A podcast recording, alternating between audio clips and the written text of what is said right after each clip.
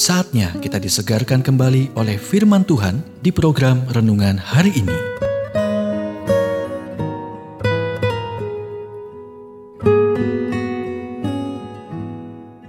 Renungan hari ini berjudul Alasan Ketidakpuasan Anda. Nats Alkitab Yeremia 2 ayat 13. Menggali kolam bagi mereka sendiri, yakni kolam yang bocor yang tidak dapat menahan air.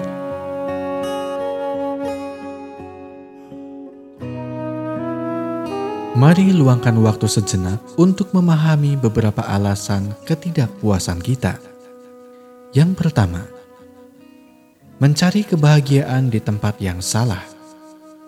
Tuhan berkata, "Sebab dua kali umatku berbuat jahat, mereka meninggalkan Aku sumber air yang hidup, untuk menggali kolam bagi mereka sendiri, yakni kolam yang bocor, yang tidak dapat menahan air. Ada kekosongan di dalam diri Anda yang hanya dapat diisi oleh Tuhan, dan Dia akan melakukannya jika Anda mengundangnya masuk. Yang kedua, gagal melayani orang lain. Bagaimana kita memperlakukan orang lain sering kali merupakan cerminan dari perasaan kita tentang diri kita sendiri. Filsuf Eric Hoffer berkata, "Hal yang luar biasa adalah bahwa kita benar-benar mengasihi sesama kita seperti diri kita sendiri. Kita melakukan kepada orang lain seperti yang kita lakukan terhadap diri kita sendiri."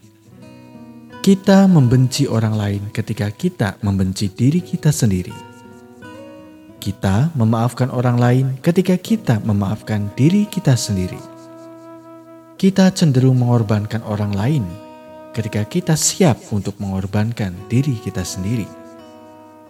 Bukan hanya cinta pada diri sendiri, tetapi kebencian pada diri sendiri yang merupakan akar dari masalah yang menimpa dunia kita.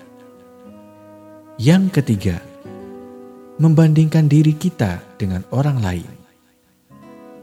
Paulus menulis, Bersukacitalah dengan orang yang bersukacita. Roma 12 ayat 15 Ketika Anda membenci pencapaian atau tingkat berkat orang lain, kegembiraan dengan cepat mengalir keluar dari hidup Anda. Alkitab mengatakan, Sebab sama seperti pada satu tubuh, kita mempunyai banyak anggota. Tetapi, tidak semua anggota itu mempunyai tugas yang sama. Demikian juga kita, walaupun banyak, adalah satu tubuh di dalam Kristus. Tetapi, kita masing-masing adalah anggota yang seorang terhadap yang lain.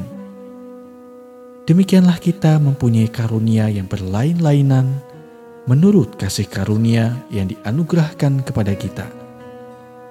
Jika karunia itu adalah untuk bernubuat, baiklah kita melakukannya sesuai dengan iman kita.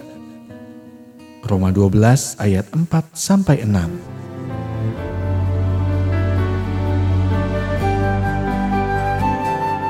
Kita telah mendengarkan renungan hari ini.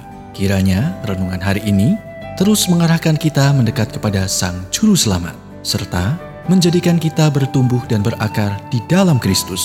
Renungan hari ini tersedia dalam bentuk buku maupun digital dan bisa Anda miliki dengan menghubungi Japri di WhatsApp 0812 8784 7210 atau email ke infoapripusat@gmail.com. Tuhan memberkati.